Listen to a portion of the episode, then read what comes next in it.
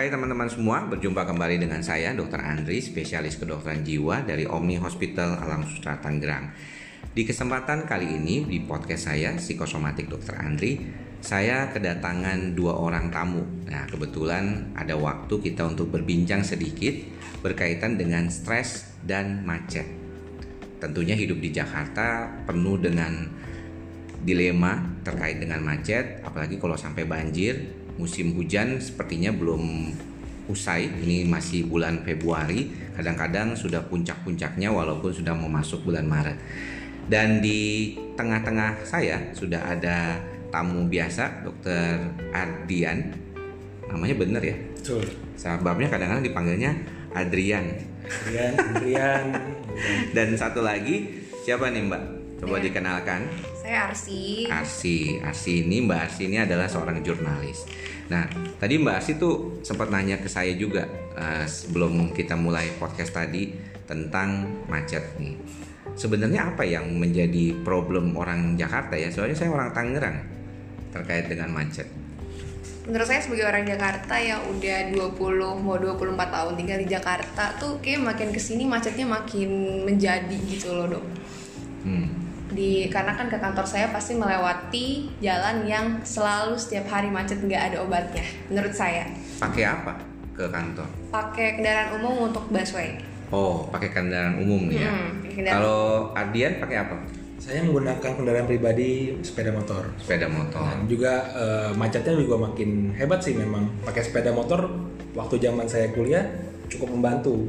Tapi makin sekarang Oke. semuanya cuma dengan naik motor gitu. Jadi Ah. kayaknya sama aja. Jadi kita sama-sama ngestak. Terus kalau menurut eh, ke- keduanya ini ya, apa yang menjadi problem ketika macet? Ada masalahnya nggak dengan eh, gangguan kesehatan jiwa? Mumpung kan saya ini kan memang fokusnya di bidang kesehatan jiwa tentunya. Nah saya pengen coba tuh, karena dulu saya pernah bikin tulisan tentang macet itu juga sangat mengganggu produktivitas kan. Kadang-kadang kita juga sangat jenuh tiap hari seperti itu. Bagaimana tuh eh, melihatnya? Kalau saya sih jujur aja ada sih dok, karena ketika di jalan terus eh, karena untuk menghindari macet saya harus jalan bahkan dua jam sebelum jam saya kerja.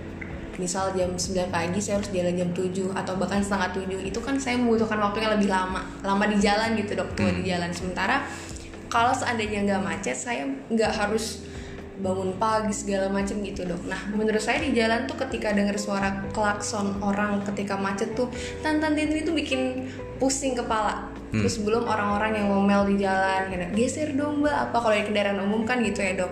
Hmm. Terus eh, saking keselnya kadang kalau misalnya naik kendaraan pribadi atau ojek online tuh sama aja. Karena kalau kita misalnya di Transjakarta kan ada jalur sendiri. Iya. Kalau nggak naik Transjakarta kita nyampur sama orang lain gitu. Hmm. Dan itu menurut saya sama aja.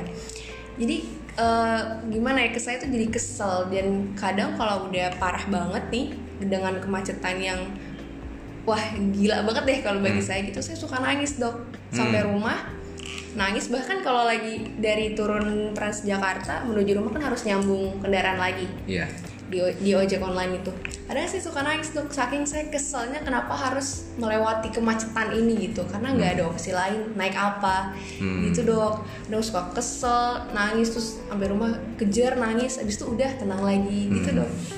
Kalau di dalam ilmu kedokteran jiwa, ketika ada orang melakukan uh, upaya untuk menahan perasaan tidak nyaman itu, salah satunya relievingnya dengan cara nangis kan ya. Dan kalau kita lihat sih secara konteks uh, dari biologi di otak itu yang memang mempengaruhi adalah serotonin dan kortisol. Jadi kalau kortisol kita terlalu tinggi ya, hormon stres kita terlalu tinggi, maka kita bisa jadi mengalami masalah yang berkaitan dengan uh, perasaan kita termasuk dalam respon kita gitu ya. Serotonergic juga begitu. Kalau serotoninnya turun ya karena ini kan bukan cuma sekali ya macet kan emang kerja seminggu sekali? Enggak. Setiap hari. Tiap kalau kerja seminggu sekali kan enak.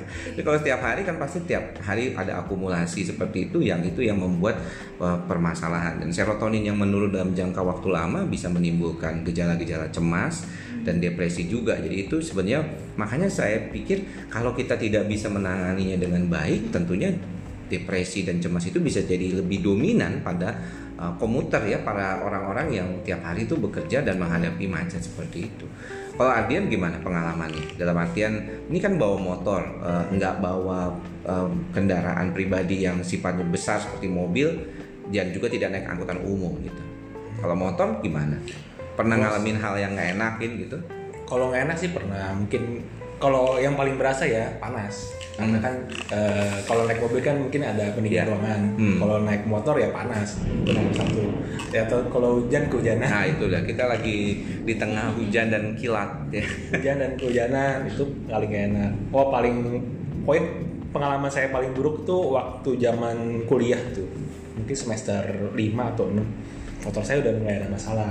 Jadi pas lagi hujan gede mogok. Wah Hmm. itu berasa paling orang berasa jadi orang yang paling Malang. paling malang sedunia. Aduh gila itu gak enak banget. Tapi pernah nggak mengalami masalah seperti yang tadi? Kamu kan dokter nih, jadi kayaknya gue kayaknya gejala-gejala depresi nih. Oh, Mulai kalau- cemas nih gara-gara macet jalan. Kalau ini. kecemasan dan depresi sih suasana perasaan terganggu sih enggak. Hmm. Saya juga nggak kayak Mbak sampai nangis itu enggak. Cuma kalau pulang tuh eh, misalnya ya kadang-kadang kejadian kayak gini. Hmm.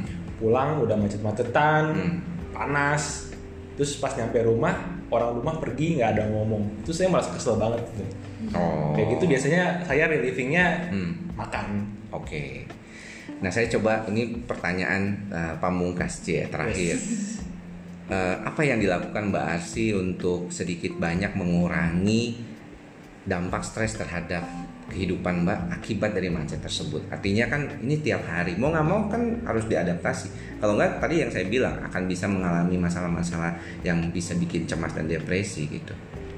itu waktu itu saya paling parah seminggu sih dok Hmm. seminggu itu kerjanya sampai rumah tuh nangis karena Hmm. kesel mungkin karena badan lagi capek Hmm. kondisinya gak enak gitu setelah itu seminggu kemudian saya mencoba buat eh, apa ya pokoknya di rumah tuh benar-benar nggak mikirin kerjaan no handphone dengerin lagu kalau nggak di jalan sekarang sambil seringnya dengerin lagu atau enggak nelpon temen biasanya aku cerita biasanya dok aku gini kesel kesel kesel kesel gitu udah Hmm. nangis biasa lagi nah seminggu kemudian udah biasa aja Oke. karena pokoknya jauhin dari yang bikin otak tuh makin pusing entah Hmm. itu lihat Instagram kan ada yang Instagram nginfoin macet di mana-mana. Ini tuh biasanya saya suka bikin stres juga dok. Saya ngerasa gitu. Hmm. misalnya mau malam-malam nih atau pagi ada akun kan yang suka Jakarta macet di sini banjir di sini. Wah itu udah saya aduh banjir aduh macet. Gimana nih kerja? Itu saya langsung kayak Hmm. dek gitu. Nah makanya langsung saya scroll. Saya nggak mau ngeliat ya Tapi kalau lagi saat menghadapinya gimana? Saat menghadapinya loh, ini tiap hari ngadepin kayak gitu, Hmm. apa yang dipersiapkan? Udah tahu sih bakal macet nih, apalagi kalau pulangnya di jam-jam kantor. jam kantor. Nah saya untuk menghindari agar saya nggak stres jalan, saya nggak pulang di jam kantor. Oke. Misalnya jam kantor itu kan jam berapa sih? 5 sampai 7 ya. Saya pulang jam 8. Itu jalan Hmm. udah agak sepi. Hmm. Terus kendaraan umum udah nggak penuh, udah nggak sesek. Hmm. Saya masih bisa duduk gitu Hmm. dong. Kalau berdiri doang tapi kalau agak kosong tuh nggak masalah. Masih bujang ya? Iya. Oh enak. Coba makanya kalau nggak bujang, kita saya- kepengen cepet-cepet pulang, kan pengen ketemu sama pasangan atau suami istri kita biasanya. Sebenarnya pengen sih dok cepet pulang gitu biar Hmm. ngapain sih kadang di kantor cuma nunggu jam Hmm. jam kosong jalanan gitu sebenarnya ngerasa buang-buang waktu dok Hmm. tapi daripada saya stres di jalan Ya. makanya itu saya harus pulang lebih lama dan berangkat lebih cepat untuk menghindari itu Oke, kalau Ardian apa yang dilakukan untuk bisa mengurangi stres saat berkendaraan? Hmm. Motor lah dulu bahaya juga kan bisa Iya, ketabrak. Kalau saya sih eh, memang pada mungkin coping mechanism saya baik. Jadi saya memang kalau stres tuh saya nggak jarang banget sih sampai ngerasain gitu. Cuma kalau memang stres saya lebih ke ini sih mungkin baca buku atau main game.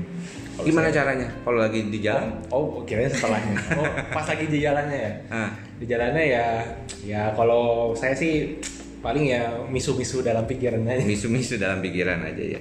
Kalau kita yang mengendarain mobil sih masih lumayan eh, bisa dengerin radio atau dengerin podcast sekarang ya. Jadi ada kesan tidak terbuang karena buat saya kalau saya dulu ngadepin stres itu pada saat eh, macet adalah pikiran waktu saya tuh terbuang banyak gitu. Jadi saya sangat orangnya menghargai waktu. Jadi kalau saya kerasa kayaknya kebuang dua jam di jalan itu saya rasanya aduh kok bisa nih gue bisa kerjaan yang lain segala macam Iya. sambil akhirnya saya mendapatkan oh iya ya lebih baik saya belajar online deh atau saya mendapatkan podcast online sekarang enak ada podcast dulu kan belum ada ya tapi sekarang itu yang eh, bisa dilakukan ada pesan nggak buat eh, teman-teman apa ya kalau di podcast tuh bilangnya para pendengar kali ya para pendengar podcast saya nih dari Mbak Asi sebagai jurnalis juga Hmm, pesannya apa ya dok? Sebenarnya macet itu di Jakarta udah bukan sesuatu yang tabu sih. Itu akan Ah. jadi makanan sehari-hari. Hmm. Nah kita sebagai individu